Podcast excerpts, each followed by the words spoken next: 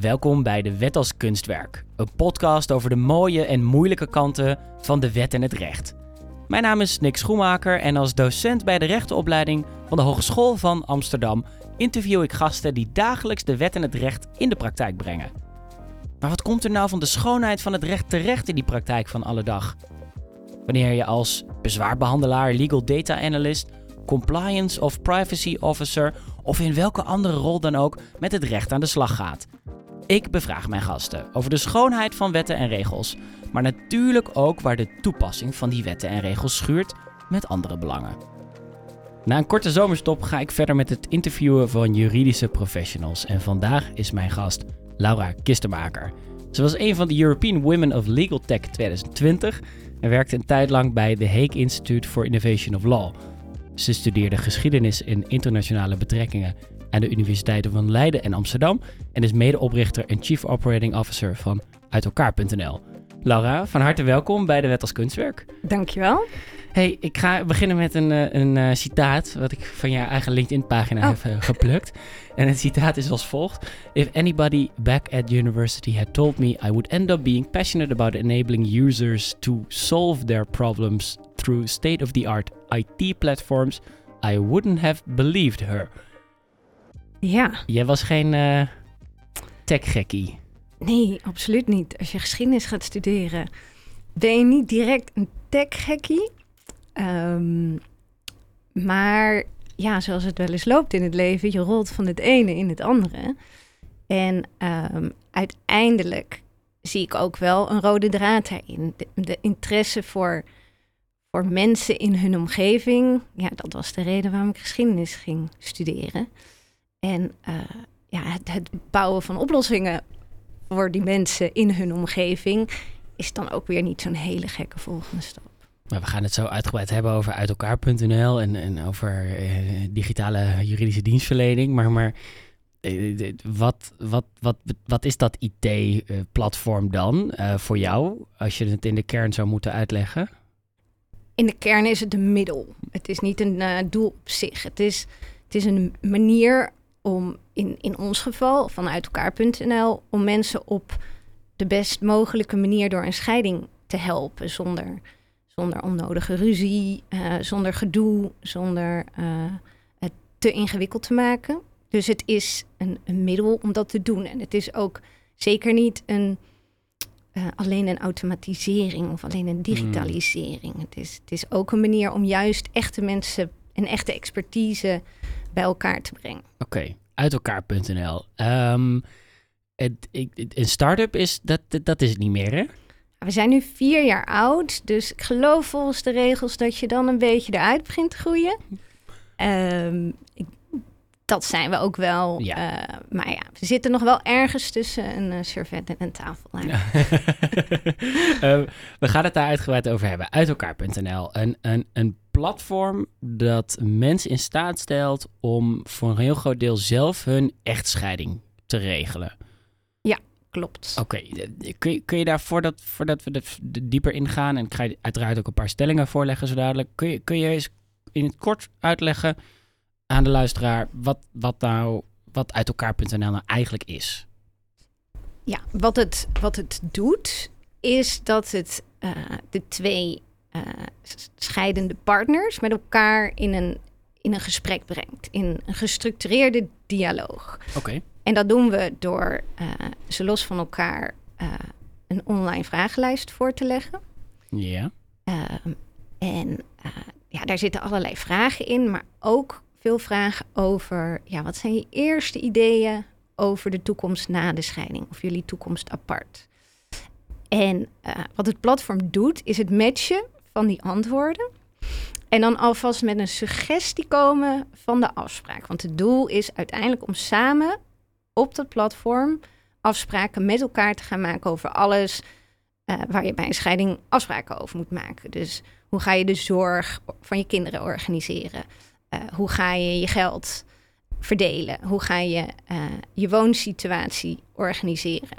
Als je bijvoorbeeld een koophuis hebt en, en dat, dat ja. moet misschien verkocht of een van, Ja, van ja, de twee blijft erin wonen.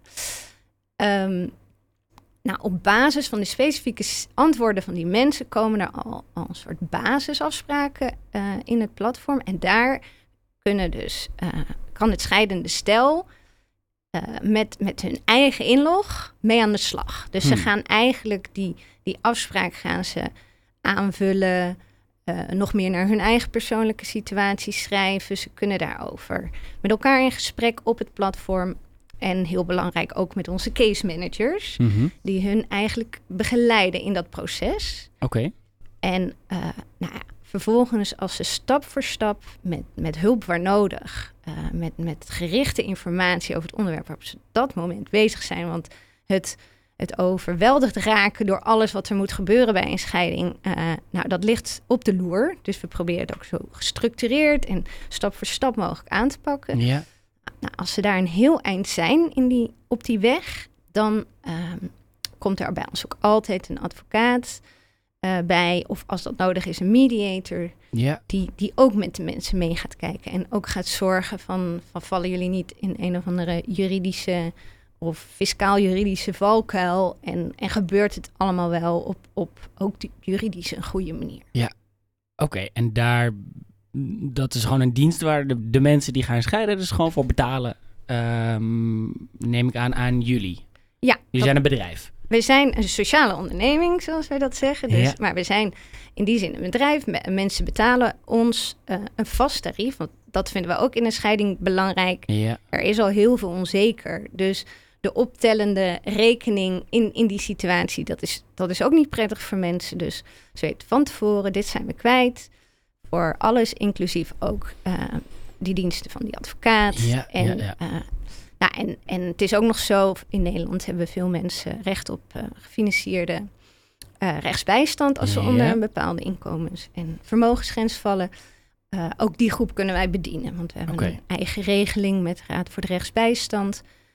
om, om deze mensen dan in plaats van het volledige bedrag alleen een eigen bijdrage te laten betalen. Oké, dit roept weer allerlei vragen, nieuwe vragen bij me op. Maar dankjewel voor deze uitleg. Eh, eh, die vraag ga ik niet stellen, want ik ga je eerst een aantal stellingen voorleggen. En dan mag je eens, oneens antwoorden. En uiteraard straks je antwoord nuanceren. Ehm, we gaan naar de eerste.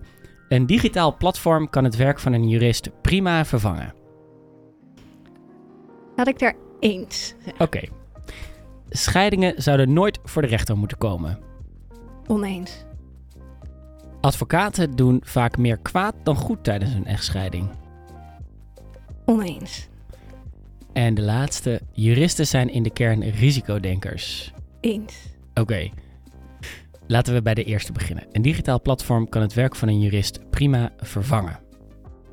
Ja, daar ging ik meteen even met een eh, gestrekt been erin. eh. ik dacht, ehm, anders dan eh, heeft ons platform natuurlijk ook geen nut. Ik denk dat veel, veel door een platform, of eigenlijk door het, het faciliteren van mensen om de stappen zelf te doen, eh, vervangen kan worden. Ja, want laten we eens teruggaan naar ehm, echtscheidingen ehm, voor eh, dat uit elkaar.nl bestond. Hoe, hoe gingen die in zijn werk? Over het algemeen, gemiddelde scheiding. Ja, Ja. dat bestaat misschien niet, maar... Nee, ja, elke scheiding, zoals elke relatie natuurlijk helemaal uniek is, is elke scheiding ook helemaal uniek.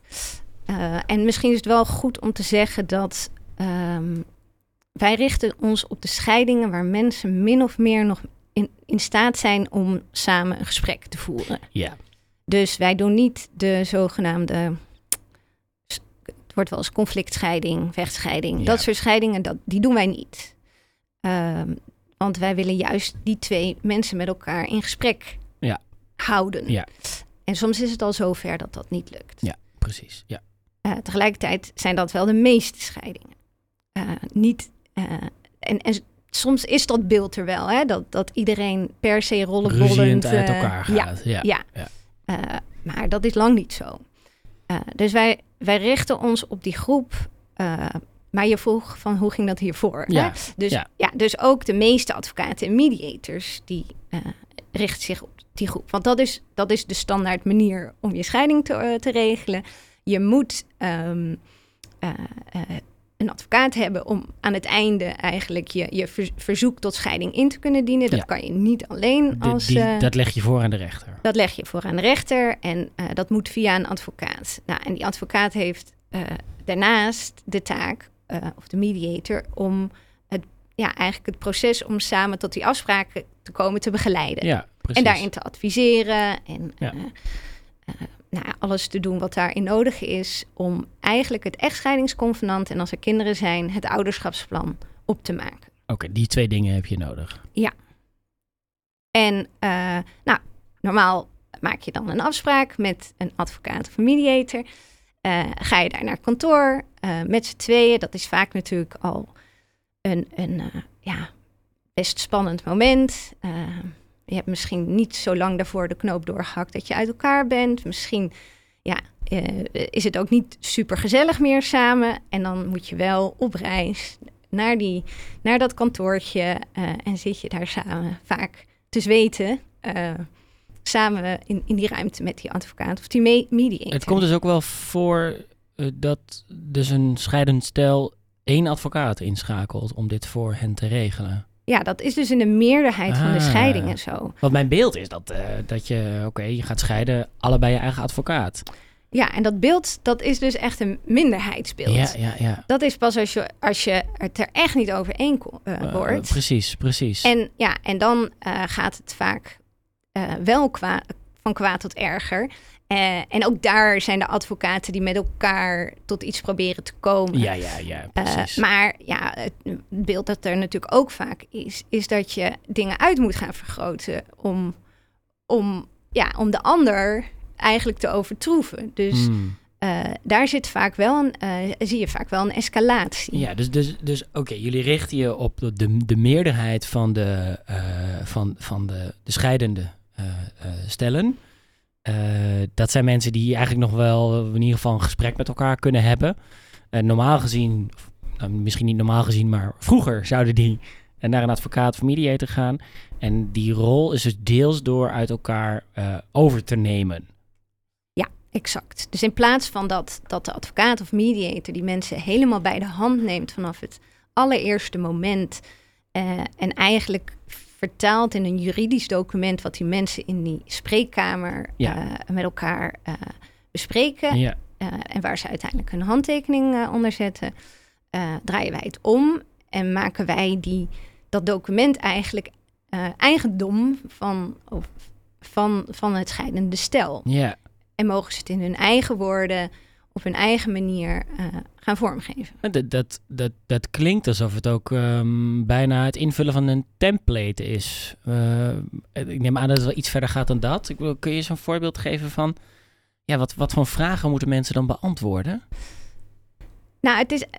Het is um, in die zin is het natuurlijk wel een... een overal maak je keuzes en afslagen en, en wat doe je. Uh, maar het is ook wel uh, we proberen het ook wel echt een document te maken dat echt van die mensen is. Dus oh ja, bijvoorbeeld, um, we zien veel mensen waarvoor bijvoorbeeld huisdieren van enorm belangrijk zijn. Oh ja, ja, mensen hebben een hond. Uh, uh, ja, misschien willen ze daar wel een zorgregeling voor.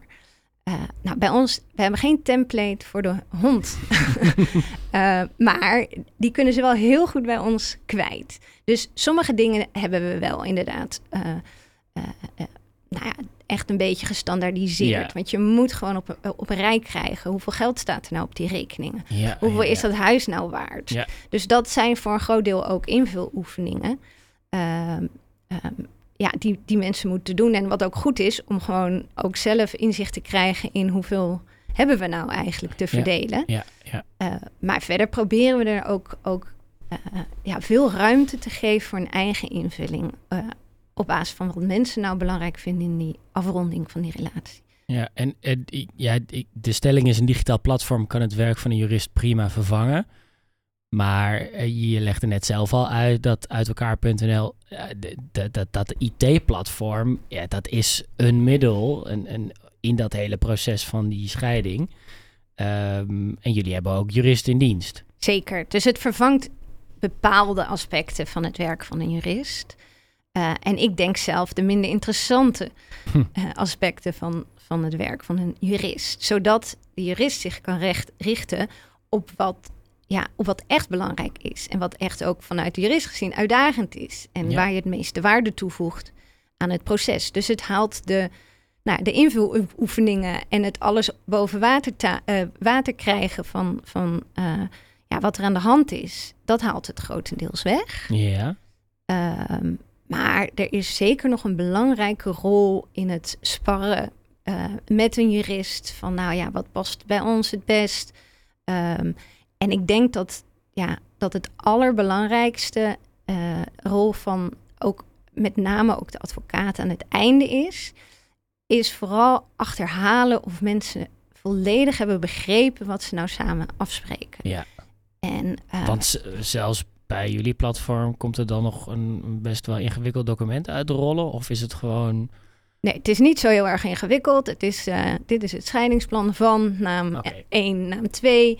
En eh, wij hebben afgesproken dat. En dan, nou ja, dan, dan komen we In, in gewone mensentaal? in gewone mensentaal. En kijk, ehm, dat, wij doen dat ook samen met onze advocaten. Maken we die startteksten. En dat is een ontzettend leuk gezamenlijk proces. Want ehm, wij willen natuurlijk eh, eh, niks over het hoofd zien, wat belangrijk is juridisch. Maar tegelijkertijd willen we het niet zo vol zetten, zetten met onbegrijpelijke dingen. Dat, nou ja, dat dat document ook niet leeft. Precies, dat dat niet precies. dus dat, dat is een continu proces van aanscherpen, van je woorden goed kiezen, van, van dingen eh, weghalen, er toch bij doen. Ehm, maar ja, de, daar zit dus, dus de, adv- eh, eh, de advocaat, die zit aan het begin van het eh, ontwikkelproces. Ja. Maar dus het nadenken over wat moet er echt in zo'n tekst. ja, precies. Maar het zit ook eh, op dagelijkse basis meer in, daar in het einde van. Hebben die mensen goed de consequenties van hun afspraken begrepen? Hebben ze alternatieven overwogen? Hebben ze een goede motivering waarom ze afwijken van bepaalde dingen? Het, het, het lijkt me zo lastig, omdat het, ja, het, recht is ook zo, zo talig. Ik, net een komma kan al een, een wereld van verschil betekenen. Hoe, hoe, hoe leg je dat dan vast in een systeem dat toch bepaalde dingen moet eh, standaardiseren, moet, moet eh, ja, in die zin simpeler moet maken? Want anders zou je het platform, ja, zou het platform toch veel te uitgebreid zijn? Ja, dat klopt ook. Hè? De, de kunst zit hem erin om, om het zo, ja, ja, ook zo slank mogelijk te ja, maken. precies, Ja. precies. Nou, En hoe doe je dat? ja, ik denk dat, dat wat, wat ook eh, het voordeel is van een digitaal platform, dat het tegelijkertijd een soort logsysteem is. Hè? Er worden dingen in gelogd. Oké, ja. Dus De- je- de- de- vastgelegd, of hoe, hoe, hoe moet Ja. dat voorstellen? Nou, mensen die, die, die, die, die hebben een eigen wachtwoord, een eigen gebruikersnaam, dus Ja. die, die loggen in in het systeem. En die gaan dan aan de slag met, met, met die teksten. Ja, En die gaan met elkaar chatten. En die gaan met de case manager chatten. En in een later stadium dus ook met die advocaat. En, al, eh, en dat leidt allemaal tot dat, tot dat, tot stuk. het, ja, tot het document. Ja, Maar eh, ja, heel veel bij recht hangt natuurlijk ook samen met wat was nou de bedoeling. ja.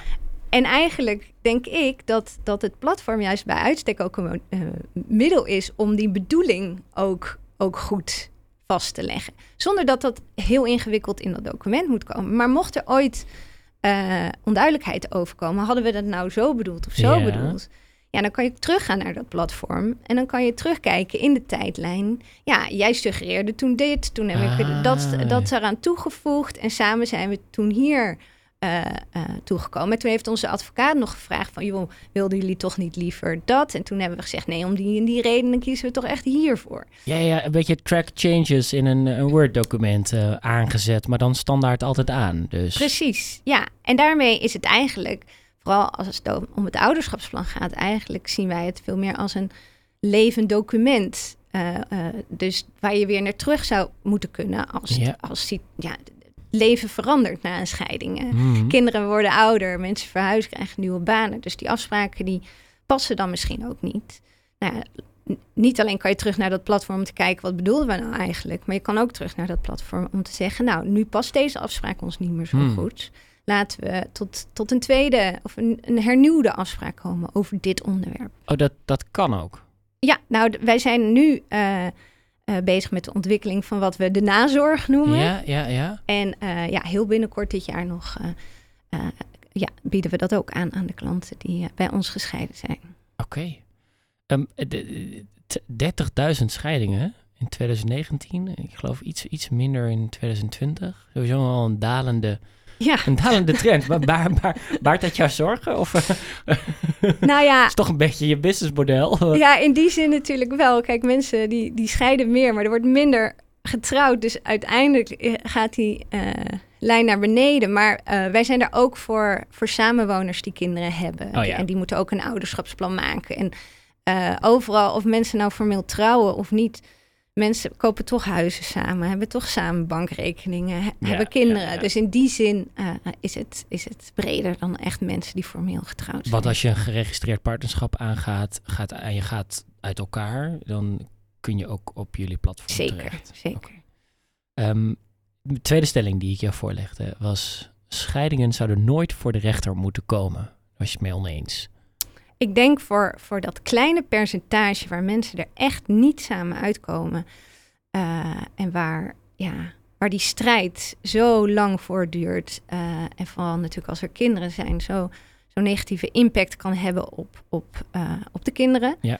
Denk ik dat de rol van de rechter die zegt, en nu gaan we het zo doen en, en zo is het, is, is heel belangrijk. Ja. ja. Want dit- komt er uiteindelijk in jullie proces een rechter aan te pas? Ja, want die moet uiteindelijk die twee documenten of dat ene document... eh, moet daar een, Ja. stem, een, een, een goedkeuring? Of, Ja, in, in, Hoe werkt dat in In Nederland? feite is het ook bij, bij die groep waar mensen dus gezamenlijk een verzoek tot echtscheiding eh, eh, indienen, is dat het ook zo. Er wordt natuurlijk wel gekeken van is, is het echt in het belang van de kinderen? Zit het goed met de kinderalimentatie? Ja. Ehm, ehm, soms nodigt de rechter nog de kinderen ook nog uit om hun kant van het verhaal te vertellen. Maar in principe is het ja, een overeenkomst waar twee mensen over uit zijn en waar Ja. de rechter dan een beschikking over geeft. Oké, dat Ja. is het. Dat is het. Ehm, d- komt het wel eens voor dat, dat mensen in jullie platform ehm, eh, begonnen zijn en er uiteindelijk toch niet uitkomen? Ja hoor, dat gebeurt eh, zeker. Ja, ja. ik- je had het net over die, die logs, dus mensen loggen in. En, en zou je dan bijna kunnen vaststellen waar dat dan misgaat? Ja, dat vinden wij ook zelf heel interessant. En het mooie natuurlijk van een eh, digitale platform is dat je ook data genereert. En daar moet je super, super... Ja, eh, dat lijkt me nog wel interessant. Hoe, hoe werkt dat? ja, mensen die delen natuurlijk best wel veel gegevens daar. Ze, ze, Ja. eh, eh, ja, en ze gaan met elkaar in gesprek over hele persoonlijke dingen. Dus dat dat goed beveiligd is en dat daar niemand bij kan, dat, dat is natuurlijk de basis. Ehm, maar als je het eh, anonimiseert en, en als je dus die individuele gegevens niet zo, ja, als je daar niet op inzoomt, maar Precies. bijvoorbeeld wel kijkt naar wat zijn nou indicatoren voor dat iets toch, toch de verkeerde kant op gaan. Ja, Of andersom juist. Hè? Wat, wat maakt het nou dat mensen in goed gesprek kunnen blijven? Ehm, ja, dan is daar natuurlijk heel veel interessants eh, uit te halen. Waar, En- en waar kun- je- Kunnen jullie daar al iets over zeggen dan op dit moment? Nou, we zijn nu, ja, we zijn nu op het punt dat we, dat we ehm, denken van nou, met, met de data die we nu hebben, is het interessant om daar naar te, te gaan kijken. Oké, dus er zijn nu nog geen conclusies uit. Ik kan daar eh, nu nog nee. nee, geen, geen harde. En, en, en je, je, je, je- wat, wat zegt jou? Ik bedoel, je hebt nu je- vier jaar ben je deze onderneming. En daarvoor was je al volgens mij al bezig met het concept of het idee. Ja. Ehm, als je het zo zou moeten, vanuit je intuïtie zou moeten zeggen, waar loopt het dan vaak op stuk? Of Ja. waar gaat het juist, wat, wat, wat zijn juist de succesfactoren van een goede scheiding, van een goede echtscheiding? Ik vind dat toch ook wel heel lastig om te zeggen, omdat het, nou, wat aan het begin ook zeiden, het is heel individueel.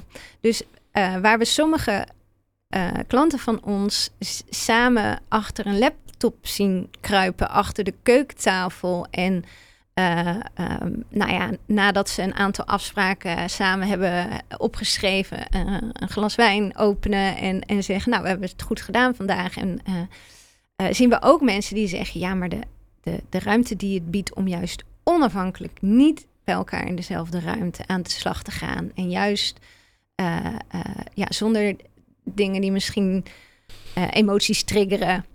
Aan de slag te gaan. Juist dat zorgt bij ons voor de-escalatie. Dus het is, ja, ik, ik zie daar ontzettend veel verschillende routes in voor mensen. Wat, wat daarin fijn is. En voor sommige mensen bijvoorbeeld snelheid heel belangrijk, want die zitten vast. Uh, dat huis moet verkocht, want ze, ze leven nog onder één dak en dat gaat eigenlijk helemaal niet meer. Voor anderen is juist het kunnen plaatsen, het, eigenlijk de, de, rouwverwerking, uh, er wat langer over doen, een, een afspraak op papier zetten en dan er weer even over nadenken, weer terugkomen. Is, is daar juist heel belangrijk. Maar ik denk wel dat je na een aantal typen zou toe kunnen. Zonder hmm. dat je het helemaal plat slaat, maar dat je wel uh, een aantal kenmerken per, per ja, groep zou kunnen nemen. Van nou, we denken dat het voor jullie wel snel is om nu een beetje vaart te maken. En, en jullie, jullie zouden even lekker je tijd moeten nemen. En dat je denk je dat het dan ook in het, um, in het platform verwerkt wordt, zoiets? Dit soort kennis, dit soort inzichten, als je die daadwerkelijk zou kunnen toetsen met de data die je, die je hebt? Ik zou dat heel mooi uh, vinden als dat uh, een volgende stap zou kunnen ja. uh, maken. Hè? En dan ga je al bijna richting een soort artificial intelligence of het, het, het meelaten denken van het systeem van voor wat. En dat zou je natuurlijk altijd heel erg moeten monitoren en, ja. en, en, nooit dwingend moeten maken. Maar je kan wel suggesties meegeven aan mensen. Van mensen in, in een gelijksoortige situatie als jullie hebben deze keuzes gemaakt en dat heeft hiertoe geleid. Dat je het ook meer informerend en niet dwingend zou maken. Ja, ja. Um, de derde stelling. Advocaten doen vaak meer kwaad dan goed tijdens een echtscheiding. Daar heb ik nee gezegd. Volgens mij was je het oneens. Ja. ja. Nou, ik zie zo ontzettend veel uh, goede familierechtadvocaten die ja, echt het uiterste uh, van zichzelf uh, vragen om, om, om het goede te doen. Ja ja, volgens mij word je geen familierechtadvocaat als je, als je alleen maar ruzie wil organiseren. Dat. Je zei net, um, je zei net dat, uh, dat jullie ook um, veel mensen helpen die uh, recht hebben op, uh, op een, toevoeging, ja. op, op gesubsidieerde rechtsbijstand. Um, komt, komen scheidingen nou vaker voor bij die inkomensgroep? Nee, volgens mij komt scheiding gewoon overal. Over alle lagen? Over alle lagen. Maakt niet uit hoeveel geld of hoe weinig geld je hebt. Iedereen uh, gaat het wel eens mis in relaties. Ja, ja, oké. Okay. Uh, was ik even benieuwd naar. Um, want wat ik je eigenlijk wil vragen over die advocaten. Kijk, die hebben, kan ik me ook voorstellen, ook een beetje een sociale functie. Um, we hadden het natuurlijk net over het platform. ja, tuurlijk, kan het digitale platform het werk van een jurist vervangen, zegt jij als Chief Operating Officer van dat digitale platform. Uh, dat heb je ook heel goed uitgelegd. Maar er zit toch ook iets van een, een menselijke factor in, in zo'n proces. Je had het net over rouwverwerking. Um, mensen uh, verliezen het belangrijkste in het leven misschien wel. ik heb ook wel eens gehoord dat het langer duurt om een echtscheiding te boven te komen dan het daadwerkelijke uh, verlies van iemand. Uh, als iemand sterft. wat is de rol van die, van die jurist, om het maar wat breder te trekken, in, in, dat, in, in dat sociale aspect van een echtscheiding? Ja, ik denk dat, dat vooral bij ons, bij de case managers, naar voren komt. Ja. Dus wij werken met een, een, landelijk netwerk van, van advocaten, die, die we gewoon aan zaken koppelen zodra die binnenkomen en die dan ook in de buurt zijn van die advocaten. Omdat er bij ons ook altijd nog een fysiek gesprek uh, plaatsvindt. Ja, dus je hebt de, in, in de, het maken van het platform worden advocaten betrokken, maar bij elke individuele casus, elke individuele zaak is er ook een advocaat voor de partijen. Precies, en dat is een vast netwerk van advocaten die nou ja, dit concept ondersteunen en die weten hoe ze moeten werken op dat platform, et cetera. Eh, maar wij hebben ook case managers in dienst. Uh, dat zijn HBO-rechten, juristen of uh, sociaal-juridische dienstverlening. Ja. En zij staan eigenlijk op ja, de hele dag door die mensen bij die, ehm, ja, die met elkaar bezig zijn op dat platform. maar daar bijvoorbeeld vragen over hebben.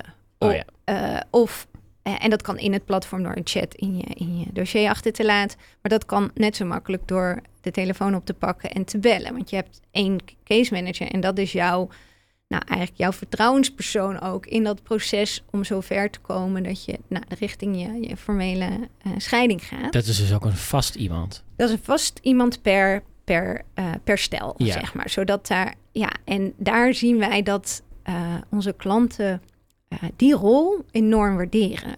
Want dat, ja, dat is heel laagdrempelig om, die, om daar contact mee op te nemen.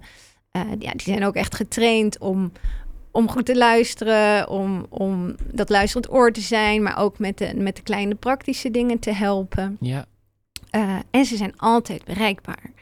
En advocaten, uh, hoe sociaal die daar ook in staan vaak, Ja, ja, ja, ja. die zijn toch vaak met andere cliënten in gesprek of, of op zitting. Ja. Uh, ja, die kunnen niet de hele tijd ter beschikking staan van hun uh, cliënten. En onze case managers kunnen dat wel. En ja, mensen die zich onzeker voelen in zo'n scheiding en het even niet weten, dat, ja, dat is fijn dat ze dan direct terecht kunnen en niet pas de dag erna worden teruggebeld. En, en wat zie je dan die case managers, die, die collega's, wat, wat zie je ze doen? Wat, wat, wat waardeer je daarin?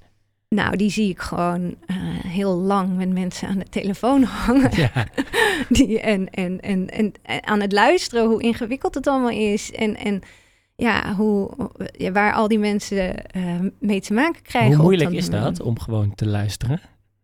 Ja, dat is hartstikke moeilijk. Lijkt, vind ik, ik heb daar ook enorm uh, uh, respect voor, voor mijn collega's die dat doen. Want soms ook best wel veel ellende krijg je, krijg je te horen. En uh, ja, die, die, die doen dat de hele dag door. Ja.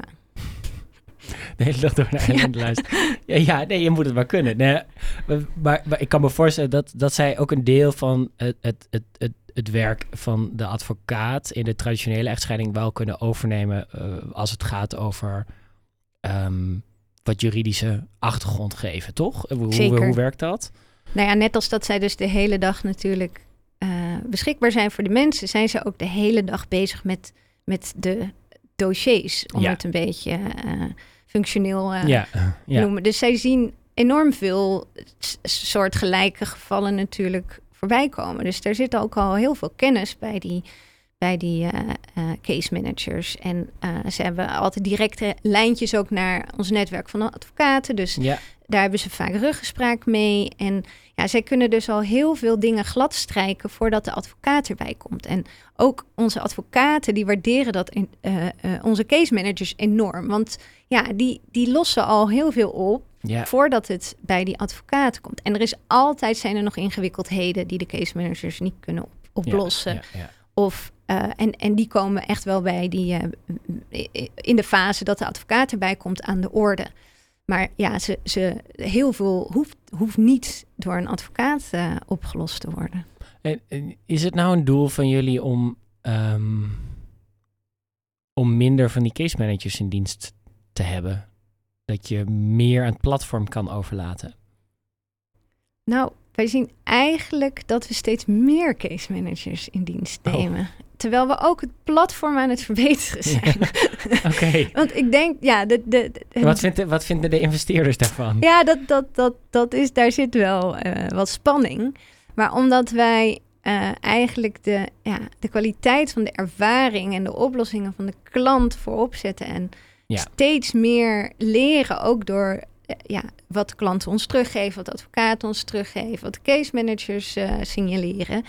Uh, zijn we steeds het platform aan het verbeteren. En eigenlijk ook steeds meer de dienstverlening aan het verbeteren. Dus uh, ja, we zijn nog niet naar, aan toe gaan dat het één groot koekjesfabriek is waar je inkomt en Hmm. mm. waar je ook weer heel snel gestandaardiseerd uitkomt. Ah, dit klinkt als een hele fijne manier van werken. Wat, waar zit dan precies de spanning?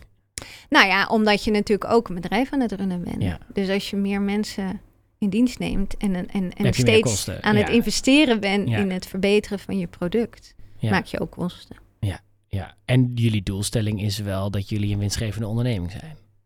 Ja, Nou, dat, dat, uh, dat we dat op den duur worden. Oké, ja. Want precies. we zitten ook Ja. nog wel in de investeringsfase. Ja, in ja, zin, ja, oké, nou, dat lijkt me logisch. eh, Ja. voor een bedrijf wat eh, nog maar vier jaar bestaat. Laten Ja. we dat ook even voorop stellen. Ehm, oké, ik wil je nog een laatste eh, stelling, eh eh, nou, even heb ik je voorgelegd, maar daar wil ik nog even op ingaan met je. En het is, eh, eh, eh, juristen zijn in de kern risicodenkers. Jouw antwoord was eh, eens, dat, dat, dat, dat klopt. En nu vroeg ik mij af, wat betekent dat dan om met risicodenkers eh, aan een innovatief product te werken? Het lijkt me nogal eh, ingewikkeld. Ja, dat, dat, dat is het ook wel. En, en ik, ik ben dus geen jurist. Dus dit Nee. was ook echt voor mij van... Oh, denken juristen zo? Dus we- weet je nog, ja, de eerste keer dat je zoiets tegenkwam? Of misschien een, een, een, ander mooi voorbeeld van, van hoe, hoe de jurist dan denkt? nou, met name in, in, in eh, zeg maar de inhoudelijke eh, begeleiding van, een- van een scheiding. Een voorbeeld is dat eh, als je in gemeenschap van goederen getrouwd bent, is het in principe de bedoeling dat je ook alles wat je qua vermogen hebt, vervolgens 50-50 deelt. Ja. En Eh. veel mensen zijn eh, al in gemeenschap van goederen. Ja, als je niet naar de notaris bent gegaan om huwelijkse Precies. voorwaarden te maken. Ja, nu, nu is het eh sinds de wet een is onlangs jaar... aangepast. Ja, Ja, maar ja, ook, ja. Ook, ook dan nog is het de bedoeling dat wat je tijdens je huwelijk in ieder geval hebt verga- vergaard, dat je dat eerlijk deelt. Ja. Of in ieder geval 50-50. Want jouw idee van eerlijk kan ook zijn van, nou, ik, ik heb wel aan iets minder, heb ik voldoende. Want eh, jij hebt een dure hobby die super belangrijk is voor jezelf. Of jij blijft in, in het huis wonen en ik vind het belangrijk dat de kinderen daar ook hun, eh, hun, hun plekje blijven houden. Er kunnen allerlei hele goede redenen zijn waarom je dat niet per se 50-50 wil Ja, oké. Dat, dat mag ook. Als je daar gewoon afspraken over maakt. ja, in principe is in, in, in, in- een scheiding kan je veel samen afspreken als je, als je het daarover eens kan worden. Ja. Eh, maar wat een advocaat dan altijd doet, of wat ik advocaten altijd zie doen, is dan te wijzen op de fiscus. Van nee ja, als jij eh, afstand doet van jouw recht op de helft, Mhm. dan kan de fiscus dat zien als een schenking. En dan komt er misschien eh, eh, een heffing met schenkingsbelasting jouw kant op. Dat is, en onze case managers hebben dat ook of- of wel eens over, nemen dat ook wel over. Dus dat is eigenlijk altijd de boodschap. Ja. En als ik dan vraag aan advocaten, eh, ehm, hoe, hoe werkt dat dan in de praktijk? Hoe vaak zie je die fiscus dan langskomen? Zeiden ze, nou, ik, ik vertel dit al 30 jaar aan mijn, eh, aan mijn cliënten, maar ik heb de fiscus nog nooit gezien. Maar juridisch gezien is het wel een mogelijkheid. Ja, het is wel een mogelijkheid. Nou, en dan, ja, dan verbaas ik me ook wel. Van, Ja. Je gaat iets wat een heel kleine percentage kans, kans heeft, eh, ga, je, ga je wel altijd zo'n groot onderdeel van je, van je gesprek met, met de klant maken. Ja. En eigenlijk altijd als zij het om goede redenen anders willen, ook eigenlijk tegen, tegen eh, gas op geven. Ja, ja, ja. ja. Eh, dit, dit, dit, dit is natuurlijk de afgelopen vier jaar ben je met uit elkaar.nl bezig, maar daarvoor was je al met dit onderwerp bezig. Eh, je was werkzaam bij de Hague Institute for Innovation of Law, heel. Ehm, hoe, hoe is eigenlijk dit idee voor uit elkaar.nl ontstaan? Kun je daar nog iets over vertellen? Ja, nou, toen de tijd kwam, kwamen er online, eh, wat ze dan conflictoplossingsplatformen kwamen op. Maar die zaten veel in de, in de e-commerce hoek. Dus als eh, mensen iets hadden gekocht online en het kwam niet goed aan, eh, dan, ja, dan moest daar iets tussen koper en verkoper. En eh, aangezien dat hele proces online ging, lag het ook voor de hand om dan die oplossing of ook online te doen. Ehm, dus dat waren de vroege vormen van die oplossingsplatforms. en eh, ja, bij heel dacht een groep mensen eh, toen van ja, maar zou het ook niet juist nog van veel meer waarde zijn als je ook de wat ingewikkeldere Ja. oplos- eh, problemen Zoals een echtscheiding. Zoals een echtscheiding, ja, de, de, de, ja, wat ze ook wel eens de, de relationele eh, conflicten noemen. Dus de, waar je eigenlijk ook nadat je het conflict eh hebt opgelost, ook nog met elkaar door moet. Hè? Misschien de, Hmm. de, huur, de, de huurder en de, de huurbaas. Of Oh ja, de, de, werkgever, werknemer. Oh ouders bij een scheiding. Ehm, ja, is het juist daar niet van belang om tot goede oplossingen te komen? En kan technologie niet helpen om eigenlijk ook eh, het conflict te ontwarren Hmm. en mensen er meer grip op te geven? Ik vond het wel een mooie vraag die ze op hun eigen website hebben staan. What good is justice if it is too complicated? Ja, dat is het natuurlijk ook in de kern. Als het, als het boven je pet gaat, als je het eigenlijk niet kan volgen, ja, wat, wat heeft het dan voor betekenis? De, dat, die, die innovatie, die komt dan nu van een, mag ik het een instituut noemen? Ja, Ja. eh, het, het heet een, de Heek Instituut for Innovation of Law. Ehm, is, is die innovatie ook bij andere partijen ehm, in de wereld van de wet en het recht eh, te vinden, voldoende? Er wordt heel veel geïnnoveerd eh, wereldwijd als het gaat over ja, eh, het vinden van oplossingen voor juridische problemen of nieuwe vormen van juridische dienstverlening. Er gebeurt in de wereld heel erg veel. Je zegt specifiek in de wereld. eh, ik denk dat ook in Nederland. Eh, ja, waarom ik de wereld zeg, omdat heel ook internationaal kijkt. Want die vindt het ook ja. leuk om en belangrijk om, om voorbeelden over de grenzen heen ehm, ehm, te laten zien. En te, te, te, zeggen- te laten zien van, nou kijk, dit werkt heel goed in dat land. Ja. Eh, wie weet hebben jullie daar ook wat aan in jullie land. Ja.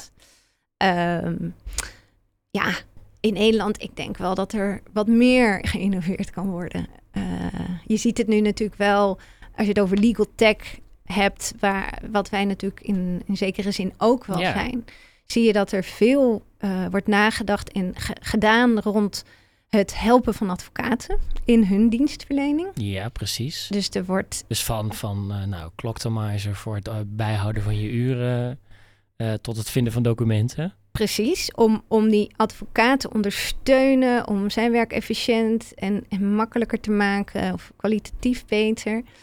Ehm, ja, wat, wat volgens mij nog weinig gedaan wordt en wat wij proberen, is kan je die, de, die technologie nou niet in handen geven van de mensen die, die ja, de eindgebruiker zijn van dat recht. Ja. Eh, ja, vandaar dat je je introduceert ons als een zelfregie eh, platform. Dat is wel wat wij proberen te doen.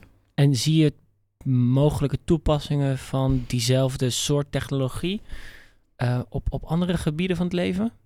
Ja, dat denk ik wel. We zijn heel recentelijk gestart met het kijken of je het idee van, van zelf meer controle houden en ook vooral de dialoog eh, eh, structureren en ook transparant maken. Ehm, ja, recent zijn we eh, aan het kijken met, met gemeenten van kan je, kan je misschien iets op het gebied van bezwaren doen. Daar wordt het ook vaak ervaren.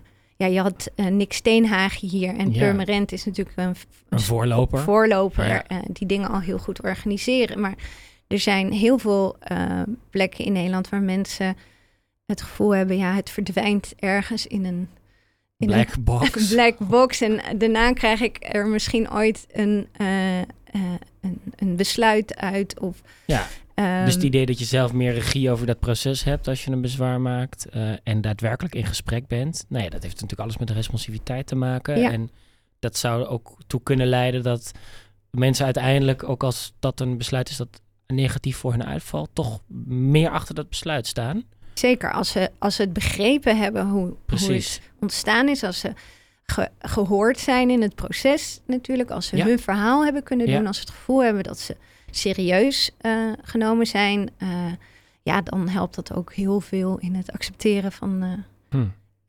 ja, van, van de einduitslag, zo gezegd. En bovendien is er dan ook meer creativiteit en begrip om te kijken van zijn er misschien nog andere alternatieve oplossingen. Eh, een, een, een nieuw initiatief. Voel je je echt een ondernemer? Ehm, ik zie mijzelf wel in, eh, als ondernemer in de zin dat, dat, dat we nieuwe dingen creëren. Ja. En dat we dat doen omdat eh, degene voor wie we het doen ook bereid is daar eh, ja, voor te betalen. Ja. Ja. Dus dat is in de Ja. essentie natuurlijk ook wel wat ondernemerschap is. Ja. Eh, ehm, wij doen dat wel vanuit de missie en niet vanuit het idee dat we hier nou heel snel heel rijk van gaan. Ja. Laatste vraag. Wat maakt de wet voor jou tot een kunstwerk? Nou, ik denk vooral dat uh, wet of recht en, en kunst heel veel gemeen hebben. Um, in essentie is het recht het organiseren van relaties in de maatschappij. Het is tussen mensen of tussen bedrijven, tussen mensen en overheid. En uh, ja, het is een manier om, om, om die, ja, dat proberen te duiden, uh, te ordenen. Uh, en ik denk dat kunst dat ook op een bepaalde manier is. Om, om te duiden wat je om je heen ziet, om aan te geven wat belangrijk en mooi of juist kwaad en slecht is.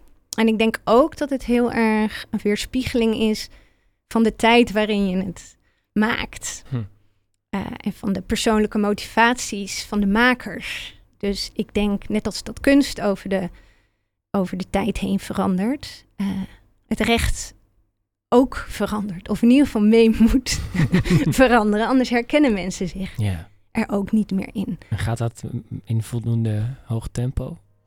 Ik denk dat kunst iets sneller gaat dan het recht. Maar uh, ja, het blijft een, een menselijk construct waar altijd aan, aan gewerkt wordt.